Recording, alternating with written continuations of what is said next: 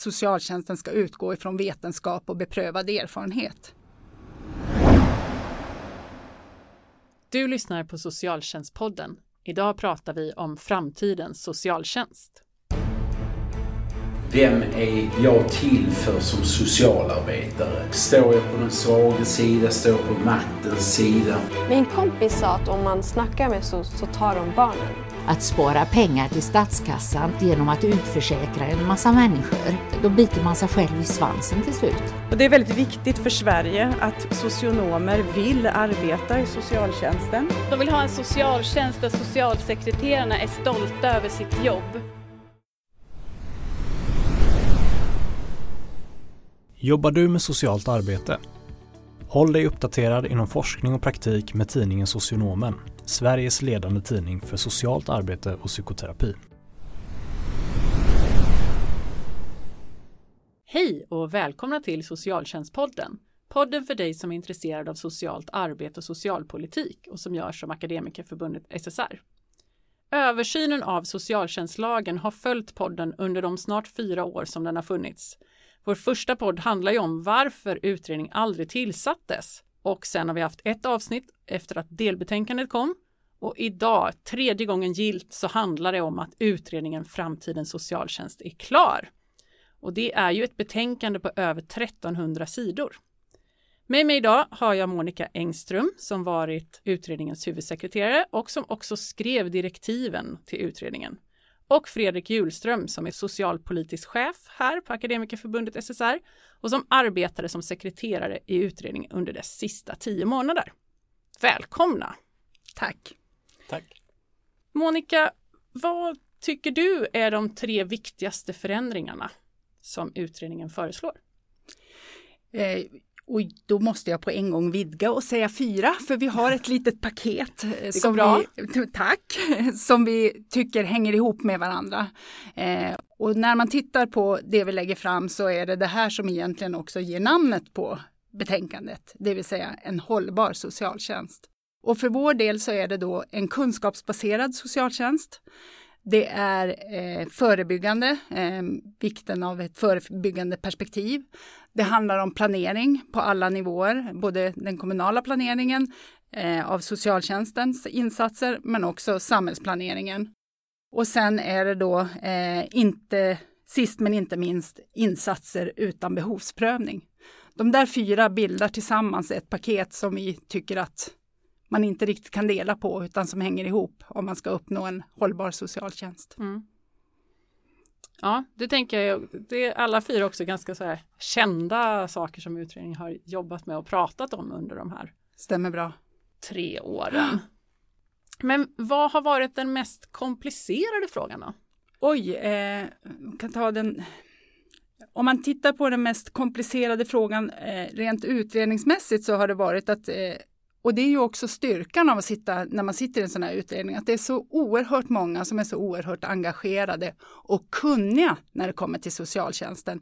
Men det är väldigt många perspektiv som vi har att förhålla oss till. Det är både brukarperspektiv och då är det en mängd olika brukarrepresentanter. Eh, och sen så är det naturligtvis professionsperspektivet, men sen så är det då politiker och enskilda i övrigt och så vidare. Och så vidare då. så att, eh, det har varit svårt. Vi har velat ha en dialog och prata och få med alla på tåget. Men det svåra har varit liksom att se att vi lägger förslag som faktiskt blir bra för helheten och för alla mm. eh, på något sätt. Det är det ena svaret. Det har varit en utmaning, men även det roligaste med utredningen. Då. Men om du skulle fråga mig vilken fråga som har varit mest komplicerad eller till och med mest juridiskt komplicerad, då skulle jag utan tvekan alltid varje timme på dygnet svara myndighetsutövningen. Det vill säga den som ligger till grunden för det här med insatser utan behovsprövning. Och varför är det så komplicerat? Är det inte bara att vi har ju kommuner som bara har låtit bli Ja, göra myndighetsutövning. Ja, jag vet och eh, jag kan säga att eh, jag själv klev in, när jag klev in då i utredningen och i början och så, så för min del, jag tror till och med, där kan nog Fredrik komplettera med, han var på SKR och pratade om att vi till och med hade tankar om att städa undan den frågan rätt fort för att komma vidare i de övriga delarna av direktivet. Eh, och jag hade just den uppfattningen att jag trodde att jag är jurist, men jag trodde ändå att ja, ja, men då löser vi den lagtekniskt.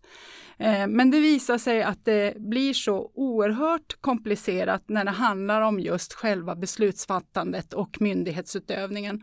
Och för vår del blev det extra komplicerat då när Margareta var vår utredare Margareta Winberg var väldigt tydlig med att det här med myndighetsutövningen ville hon inte släppa från kommunen eh, till det privata, för det mm. skulle då ha kunnat vara ett alternativ, mm. att man hade sagt att nej, men då får privata utförare utföra myndighetsutövning. Eh, men så länge man vill ha kvar den kontrollen och jag tror att den är viktig när det handlar om socialtjänst, mm. Eh, att kommunen har ansvaret och så vidare. Eh, då blev den frågan väldigt stor och väldigt komplicerad. Och det är inte bara vi som tycker, vi har vi försökte ta hjälp utifrån av väldigt duktiga jurister eh, och erkända jurister i Sverige. Eh, men de hade samma syn på frågan som vi har. Eh, vi fick liksom inget svar utan det vi till slut fick gemensamt svar det var liksom sätt ner foten och bedöm vad ni tycker och skriv fram det. Och vad är det då som ni föreslår när det gäller den delen? Det vi föreslår när det handlar om det här insatser utan behovsprövning då, det är ju att kommunen får eh, använda sig av verksamheter. Eh, det är naturligtvis kommunen fortfarande som är huvudman för socialtjänsten, men man får lägga ut verksamheter eller eh, insatser på verksamheter får man ju redan idag, men enskilda kan vända sig direkt till den utförande verksamheten. De verksamheter som kommunen bestämmer att man då vill tillhandahålla insatser på på det här sättet, då får de enskilda vända sig direkt till de verksamheterna och ta del av de här insatserna utan att behöva på något sätt bevisa någon form av eh, behov av mm. insatsen eller så. Och då är det också så att det är kommunen själv som avgör om överhuvudtaget ja. några insatser ska ja. kunna gå att fås på det här sättet eller om det bara är några ja. av den lista som ni har presenterat. Precis. Så är det. Eh, det blir helt upp till kommunen. Mm. Att ge professionen ett självständigt beslutsmandat och politiker större utrymme till planering och verksamhetsuppföljning, det har ju varit Akademikerförbundet SSRs viktigaste fråga i utredningen. Hur kommer det sig att ni inte kom längre än att föreslå en översyn av beslutsordningen? Ja, eh, jag skulle vilja säga så här att eh, när vi började, när vi klev in i utredningen, eh, så började vi med naturligtvis Dels så satt ju jag med kunskap om direktivet och vi började diskutera frågan utifrån direktivet och utgick nog i rätt stor utsträckning eh, från att professionen då att vi skulle se över med mandat, eh, handlingsutrymme, befogenhet, uppdrag och mandat. Då. Eh, och då var vi nog av den uppfattningen att eh, det här med professionsfrågorna definitivt och beslutandefrågorna rymdes inom direktivet. Mm. Och när vi då började resa runt och började prata rätt mycket så visade det sig att frågan är rätt komplicerad och att det finns väldigt många olika åsikter kring den här frågan. Så den började bränna till rätt tidigt skulle jag vilja säga i våran utredning. Där det då också utkristalliserade sig att politiker, om jag nu bara hårdrar det och eller drar alla över en kamp, så säger generellt sett så var det flest politiker som kände ett motstånd och var mm. emot, framförallt på lokal nivå. Och professionen låg på. Och när vi då satte oss ner och började titta på den här frågan, då började Margareta tveka utifrån att hon sa så här, men är det verkligen, vet vi uttalat att man från politiskt håll vill att vi även ser över beslutsfrågan? Det står inte rakt upp och rakt ner att det är så. Och om man verkligen ville att vi skulle se över delegationsordningen, skulle inte det framgå av direktivet då? Och på den vägen blev det och utifrån det togs beslutet att eh, nej, med mindre än att det då skulle ha stått eller kommit ett tilläggsdirektiv att ja, vi vill att ni ser över beslutsfrågan, så gör vi inte det. Så där landar vi i den mm. frågan. Mm. Vi kommer ju komma tillbaka till den om en liten stund, men har ni på något annat sätt stärkt professionens ställning? ja, men det tycker jag. Jag tycker verkligen det. Jag tycker att vi har tagit, man kunde önska kanske att vi hade kommit längre och gjort mer, men vi har tagit det absolut första och viktigaste klivet tycker jag. Och det handlar ju just om kunskapskravet då, det vill säga en kunskapsbaserad socialtjänst, att socialtjänsten ska utgå ifrån vetenskap och beprövad erfarenhet. Eh, för min del så tänker jag att den frågan naturligtvis hör otroligt nära ihop med professionsfrågan Mm. och även politikerrollen. Eh, men i och med att vi nu går fram med det, eh, då borde den öppna på väldigt, väldigt många frågor, både från kommunalt håll, eh, både från politiker och professionens håll. Hur ska vi förhålla oss till vetenskap och beprövad erfarenhet? Hur säkerställer vi att de verksamheter som vi exempelvis har eller de verksamheter som vi upphandlar att de uppnår kraven och utgår ifrån vetenskap och beprövad erfarenhet och så vidare och så vidare. Så att jag tror att eh, professionsfrågan behöver man ta i. Och det var ju det vi också då landade i slutet när vi då fick skrev in att eh, man behöver se över den här frågan. Mm. För annars så kommer inte, det går inte, kommer inte gå att fullgöra det här med vetenskap och beprövad erfarenhet om man inte tar den frågan vidare tror jag. Det låter ju som en, eh, en fråga som om den sen landar i den slutgiltiga lagen Mm. kommer att kräva ett stort arbete ute i kommunerna också för Ja, det tror jag verkligen. men som också låter det som kan innebära en stor kvalitetshöjning också av Ja, eh, det tror jag också. Eh, Jag tycker på något vis, jag menar professionen har ju funnits där länge, länge och det är ingen som överhuvudtaget ifrågasätter varför vi har en profession och varför Mm. den behövs. Men jag, jag tycker att det här sätter eh, kravet på vetenskap och beprövad erfarenhet sätter professionens eh, liksom plats eh, ännu tydligare i Mm. socialtjänsten. Det blir ännu viktigare. Eh, det stärker professionen, Mm. tänker jag. Och det tänker jag att också går ihop med kvalitetsparagrafen. Ja, Också. det är en del av kvalitetsparagrafen. Vi, för vår del så var, kom vi till och med fram till att när vi tittar på kvalitetsbestämmelsen som den ser ut så vilka element den innehåller och inte innehåller så inser vi ju, eller insåg vi när vi tittar på den, men det saknas ju ett kunskapskrav. Mm. Det är det som saknas. Och vi ansåg också utifrån det här med eh, när det handlar om eh, det man har gjort när det handlar om kunskapsstyrningen och när det handlar om eh, den kunskapsbaserade socialtjänsten. Det som är gjort är ju gjort genom överenskommelser och det är gjort genom eh, riktade statsbidrag då. Men vi ser att det skapar ingen långsiktig Nej. hållbarhet eller förändring och eh, därför tyckte vi att det var viktigt att få in det här kravet. Mm. Redan idag så står det ju i socialtjänstlagen att man ska arbeta förebyggande, särskilt när det gäller barn och unga och för att förebygga alkohol och drogmissbruk. Och ändå så anser ju många, bland annat förbundets medlemmar, att det bedrivs för lite förebyggande Mm. arbete. På vilket sätt tänker du att de förändringar som utredningen föreslår leder till ett tydligare krav på kommunerna? Ja, vi tror att, eh, att just det här att vi lägger in ett förebyggande perspektiv i målbestämmelsen, att det blir, att det förstärker och tydliggör. Eh, det finns en del av mig som önskar att vi hade kunnat gå längre eh, och nu ska jag inte gå in på det, men vi har i vårat direktiv att vi kan inte lägga eh, skarpa krav på så sätt att så fort det då skulle anses eh, utlösa då eh, finansieringsprincipen så hade vi ingen möjlighet att göra det. Och därför blev det ju då kan man då säga att det blev ett perspektiv och det blev eh, lagd i mål eh, bestämmelsen då. Men alldeles oavsett det så jag tror att det kommer att ha ett jättebra och ett tydligt signalvärde. Jag tycker att portalparagrafen redan idag eh, har en stor genomslagskraft och att man har med sig den i arbetet och på samma sätt som man har den med sig i det arbete man bedriver idag så tror jag att socialtjänsten kommer ha med sig det här också. Det kommer sätta frågorna tydligare på Mm. agendan och tanken är att det ska genomsyra allt, alltså på alla nivåer eh, och även alla eh, olika eh, vad ska man säga då, delar av socialtjänsten och eh, funktioner som sådant. Även politikerna har att förhålla sig till ett förebyggande perspektiv. Och då kan man säga att det här med finansieringsprincipen är ju alltså då att det behöver ske skatteväxlingar för Ja, att kommunerna precis. får ett nytt uppdrag. Ja. Och något sådant uppdrag fick de inte lov Nej. att få. Nej, precis.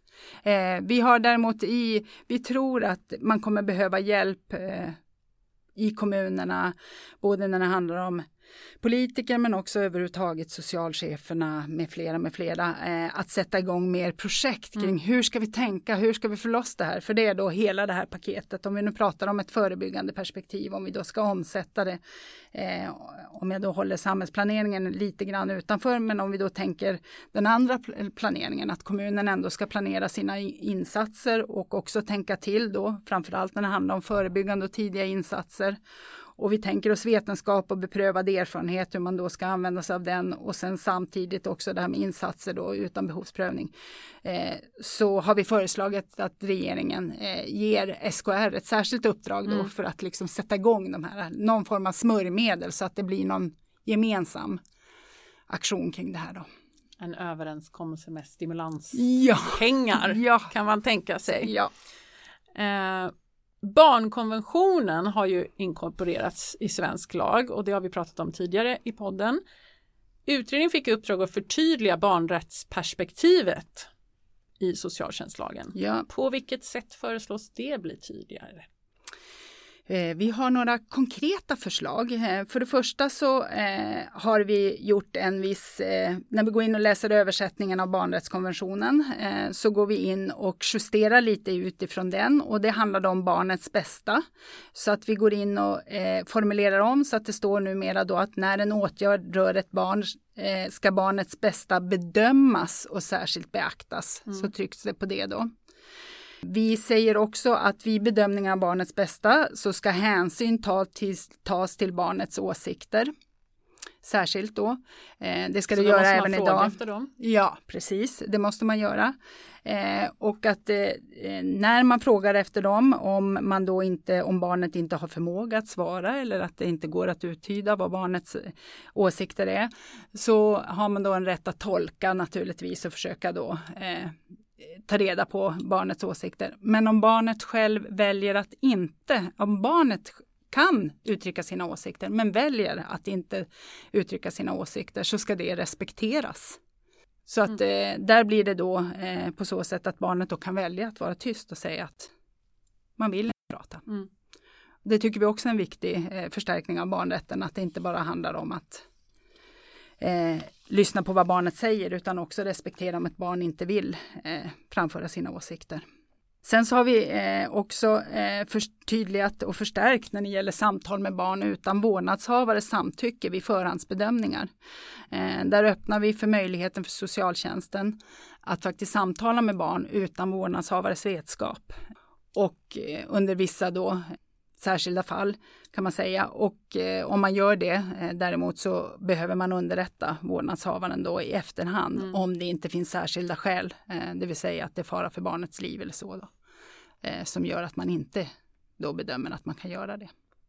Och vad har vi mer Fredrik? Kanske du Vill kan du lägga till komplettera? något Fredrik? Ja, Ja, vi, vi föreslår bland annat att, eller vi och vi, det här, är- jag har ju lite olika hattar Du på får, mig. precis. Nu sätter jag på mig utredningshatten här, utredningssekreterarhatten. Utredningen lägger ett förslag bland annat att idag har man ju rätt att följa upp barns situation när man har avslutat en placering Mm. eller när man har avslutat en utredning och man har, socialsekreterarna har bedömt att en insats är lämplig men familjen vill inte ta emot den. Då kan man under två månader följa upp det här barnets situation för att se att det inte far illa. Eh, det har vi bedömt är en för kort tid, två Mm. månader och eh, utredningen föreslår att den tiden ska förlängas till sex månader istället. Sen så föreslår utredningen också att det ska bli en eh, förstärkt rätt för barn som är placerade att få ha kontakt med sina syskon och föräldrar. Eh, sen finns det ett par frågor till som även där, där vi skickar eh, stafettpinnen vidare. Bland annat så tycker vi att, tyckte utredningen att barnombud ska utredas vidare. Och också att gallringsfrågorna runt barnakter eh, behöver tittas vidare på i en ny utredning. Vad menar ni när ni säger barnombud? Ja, ett barnombud är ju, det, det finns ju några eh, som jobbar som barnombud eh, redan idag i frivilligorganisationerna.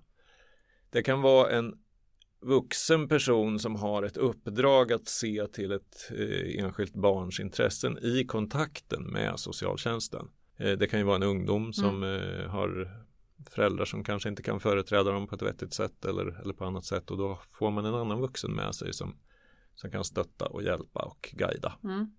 Och ni tänker att det borde utvidgas?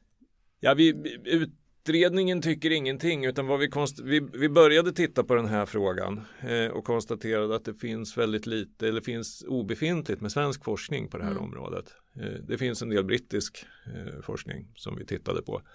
Men tycker att, att eh, så, så det material vi kunde samla in var inte tillräckligt stort för att vi skulle kunna ta ställning i den här frågan helt enkelt och tycker att någon bör få ett uppdrag och, och gräva djupare i det här. Man behöver nog också få fram mer fakta runt det. Det är en relativt stor reform om man ska göra det. Mm. Både kostsam och påverkar det sociala arbetet i grunden. För man kan ju se att det är egentligen socialsekreterarens jobb att se till barnets Mm. intresse. Eh, och här lyfter man in en, en tredje part som ska ha det perspektivet gentemot socialsekreteraren. Och ja, vad, vad gör det med, med hela Mm. eh, den konstellationen av personer och uppdrag? Så att eh, ja, den är knepig. Jag tänker att man kanske måste titta på det, de få exemplen som finns i Sverige när man har med sig någon från en frivillig organisation. Absolut. Eh, och, och det som, de erfarenheter som finns är ju ändå positiva Mm. av, av det lilla man eh, kan ha tittat på. För det finns ju ett par mindre studier som har, har tittat på det. Så att, Okej.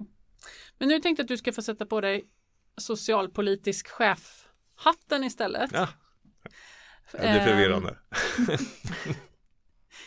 Men hur ser förbundet då på den färdiga utredningen?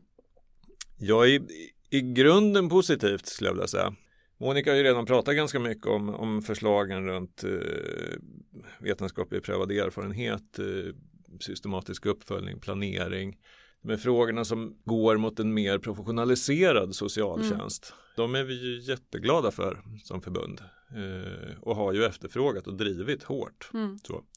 Så absolut. Eh, sen är det ju så att, och det blir viktningen mot det här som också Monica pratade om, som vi kanske tycker är ännu mer tydligt, att det, det blir helt ologiskt eh, att gå fram med att socialtjänsten ska vila på vetenskapligt beprövad erfarenhet. Men det är lekmän som ska fatta beslutet, som inte är satta där.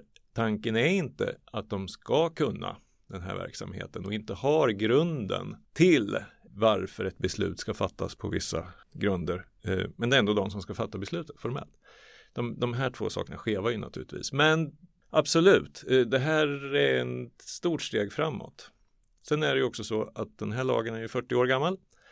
Den är svårjobbad för många. Så att det handlar ju också om att få ett lagstiftningsverktyg eh, som är enklare och mer framkomligt att jobba med Mm. som socialarbetare. Eh, och där tror vi att det kommer att göra skillnad för professionen på det sättet. Precis, för att syftet var också att det skulle bli lite mer lättförståelig både för, för professionen och för andra att Ja, förstå. Vad är absolut. det egentligen som gäller? Ja, jag, jag har jobbat med en, med en jurist på, på mitt förra jobb som eh, specialist på socialtjänstlagen som sa till mig för några år sedan att ja, men, jag kan ju någon gång i veckan hitta någon sak som att jag visste ja, det där står ju i lagen där också. Eh, och då är det en jätteexpert på, eh, på den här lagen. Så att den är ju svårhanterlig som den är idag och inte helt logisk. För att saker följer inte på varandra. Det har Nej. kommit så mycket ändringar i den här lagen under de här 40 åren. Så att den har ju blivit lite sönderhackad. Det finns en fråga som förbundet tillsammans med andra fack har reagerat mot. Eh, Kan du berätta lite mer om det och hur kommer det sig? Ja, då är vi tillbaks till den här frågan om insatser utan biståndsbedömning. Mm. Eh, där föreslår ju utredningen att det finns en undantagslista på insatser som man inte som kommun får erbjuda som, som insatser utan biståndsbedömning. Medan det som inte står i den listan kan kommunen välja tillhandahålla på det här sättet. Och där ingår hemtjänstinsatser och eh, korttidsboenden för äldre. Så det är förslaget att man får ge utan Ja, biståndsbedömning. Precis, Mm. men man måste inte. Nej. Det är ju en sån lag som gör att kommunerna har möjligheter men det finns inga som helst skyldigheter till Mm. att arbeta på det här sättet. Men där tycker vi att framför allt om man tittar som på korttidsboende, där kommer de flesta som kommer in på korttidsboenden, de kommer ifrån sjukvården. Mm. Eh, de har varit inlagda, ofta i dygnsvård på hälso och sjukvård, eh, kommer dit i ganska dåligt skick. De har många olika problem eh, när de kommer in på ett korttidsboende. Eh, det är hälsoproblem, de kan ha kognitiv svikt, de har ett boende man måste hantera, eh, det finns andra insatser som behöver in, de kan ha fysiska problem, de kan ha mentala problem. Och då tänker vi att de här personerna behöver hjälp med hur de ska ta sig vidare. Ett korttidsboende är ju en tillfällig lösning. Mm. Eh, då är det rimligt också att tänka att, att ska man in där då behöver man också en biståndsbedömning eh, för att man ska ut ifrån det här korttidsboende. Antingen ska man hem eller så ska man till ett mer stadigvarande särskilt boende då inom äldreomsorgen. Eller någon annan lösning så. Så att det är sällan man kan se att korttidsboende fungerar som att någon går in där som är fullt frisk och själv väljer att nu ska jag vara på korttidsboende i en vecka och eh, sen ska jag gå hem. Det finns några få sådana fall, absolut. Framförallt kan man se det vad gäller anhöriga. Att man tänker att du anhörigvårdare eller att rättare sagt du har en maka eller maka hemma som eh, ansvarar mycket för den äldre. Och när den kanske får egna hälsoproblem eller behöver åka till en anhörig eller någonting annat händer, ja då skulle man kanske kunna se att en sån här insats skulle kunna fungera på det sättet att man skulle kunna få det utan, utan bistånds. biståndsbedömning. Ja. Men i övriga fall så tänker vi att, att man nog bör ha biståndsbedömning i den här frågan. För annars kan det gå ganska långt innan man egentligen måste träffa en biståndsbedömare eftersom det är då särskilt boende som ska biståndsbedömas. Ja. ja. Hur arbetar förbundet vidare nu då med utredningen och särskilt då frågan om professionens ställning och politikernas möjlighet att jobba mer planerande och eh, med verksamhetsuppföljning? Ja, jag tänker att en del i det här nu det är ju att nu kommer den här utredningen komma ut på remiss och här handlar det rätt mycket om att, att ta reda på vilka tänker som vi Mm. Eh, för det är ju en del i det här. Eh, är det fler som ser att det här skaver eh, och att det inte går ihop? och kunna göra gemensam sak med dem. För att i det här fallet så handlar det om att man ska få regeringen att förstå att ska man gå fram med det här förslaget till lagstiftning så behöver man också ta i den här frågan. Mm. Så att vi behöver helt enkelt putta på regeringen i den här frågan och se till att de är medvetna om problemet och också att de tillsätter en utredning för att, för att rätta till det här. Så steg ett är remisskrivning och påverka andra remissinstanser att skriva i liknande ordalag? Ja, jag vet inte om det handlar om att på, påverka dem utan det handlar nog om att mer ta reda på vilka som tycker som vi. Mm. Eh, vilket jag tror att väldigt många gör. Eh, och vi har ju redan påbörjat den processen Mm. så jag vet att det finns ett antal som som tänker och tycker som vi. Det låter hoppfullt. Jag vet att det här, min nästa fråga är, den är svår, men jag tänker ändå ställa den. Om vi tittar fem år fram i tiden, vilka av utredningens förslag tror ni har blivit verklighet? Ja, jag tänker så här. Eh, om man ska titta på av erfarenhet så är det ju så att de här stora översynerna, eh, de går inte alla i mål eh, och blir lagstiftning utav. Eh, så jag tror att antingen så blir det en etta eller annars så blir det en nolla. Eh, kan du utveckla ja, det? det kan jag. Att, antingen så är det så att man gör jobbet eh, och faktiskt tar det här i mål och då tror jag att de allra flesta förslagen blir lagstiftning. För det här är ju ett paket. Mm. Då tar man liksom det här grundpaketet ja. som du pratade om innan. Och, och sen jobbar ja, man det i, i mål. Mm. Eh, och orkar man inte med det, då tror jag att det tyvärr blir lite som LVU-utredningen. Att det kanske åker fram ett eller två eller tre begränsade förslag. Eh, och så blir det inte mer. Eh, så att någonstans där 0,5 ja. det tror jag verkligen inte på. Utan det är varken antingen, antingen så tar man så. huvudpaketet eller Ja. så tar man någon sån där uh, mer ströfråga. Ja. Vad, vad tror du Monica? Nej men jag är nog eh, lite grann benägen att hålla med eh, och inte bara eh, benägen att hålla med. Det är väl också vad jag hoppas på. Eh, därför jag tror verkligen, det finns ju andra förslag också. Eh, nu har vi inte gått in på dem men det finns ju bland annat en delning av biståndsbestämmelserna och ett nytt begrepp och så vidare. Men en sån fråga är en fråga som man i så fall, den kan man bestämma sig för på sidan om. Den behöver man inte eh, ta i eller göra någonting åt. Men det här paketet hoppas jag verkligen att det kommer att hänga ihop eh, och är det så, jag vet att det finns ett motstånd mot det här med samhällsplaneringen och ändringen i PBL. Är det så att man inte kommer fram där för att det finns ett annat motstånd där så hoppas jag ändå att man tar i de andra delarna, att det blir eh, vi måste liksom, jag, jag, tycker att det är oförsvarbart faktiskt också. Jag, jag tycker att vi måste ha för ögonen att eh, vi hela tiden inom socialtjänsten ska göra det vi gör så bra som möjligt. Vi måste veta att det vi håller på med, att det funkar mm. och att det ger avsedd eh, effekt. Att vi når de mål som vi arbetar mot och det är liksom oförsvarbart att inte hjälpa människor så enkelt och så fort som möjligt, mm. tänker jag. Och därför, eh, jag tror att Fredrik är nog lite nyktrare än vad jag är. Jag är fortfarande lite mer påverkad av utredningen. Men därför hoppas jag verkligen att man håller ihop eh, hela paketet. En sak som ni inte har tagit upp det är ju faktiskt att ni också definierar vad socialtjänst är. Ja, det gör vi. För första gången. Ja, det gör vi. Mm, inte illa va? Det var också lite kontroversiellt ja, ju faktiskt. Det var det. Mm. Det tog också lite tid men det gick ändå förhållandevis bra. Så vi tror att det blir bra.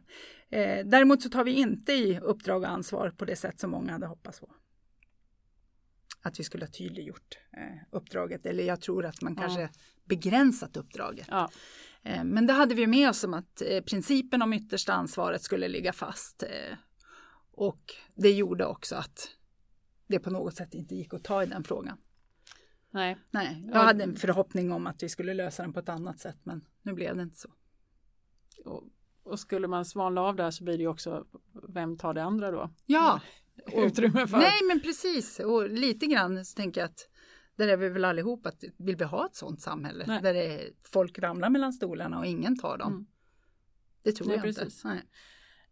Um, sen så är det så att vi kanske också kan få veta hur går det med det här med, den har ju inte gått på remiss än. Hur, hur ser det ut med det? Om jag då ska byta hatt och sätta på mig eh, departementssekreterarhatten så ska jag då säga att beredning pågår. Eh, som det så vackert alltid heter på socialdepartementet när man jobbar med frågor. Eh, men eh, jag tror eh, och eh, jag tror framförallt att när den här podden sänds så tror jag att jag med gott samvete kan säga att den kommer ut på remiss inom kort. Mm. Bra, så vi kan sätta igång och börja, ja. börja skriva. Mm. Tack så jättemycket Monica för att du tog dig tid att vara med i Socialtjänstpodden. Och tack för mig som programledare, för nu är det Fredrik som tar över podden. Vet du redan nu något av vad den kommer bjuda på under hösten? Ja, det enda som är helt klart är att eh, Jan Jönsson som är socialborgarråd i Stockholm kommer hit. Eh, och då ska vi bland annat prata socialtjänst och kopplingen till skola och mm. vikten av utbildning. Intressant. Men mycket annat naturligtvis också. Och det tror jag faktiskt blir första gången som vi har en politiker med i podden. Ah, spännande. Så det blir premiär. Och med det så vill jag tacka alla lyssnare, alla som tipsat på ämnen att ta upp. Jag vill tacka Sanna och Theresia som hjälper oss med inspelning och redigering. Ni är alla en del av Socialtjänstpodden. Tack för att ni har lyssnat.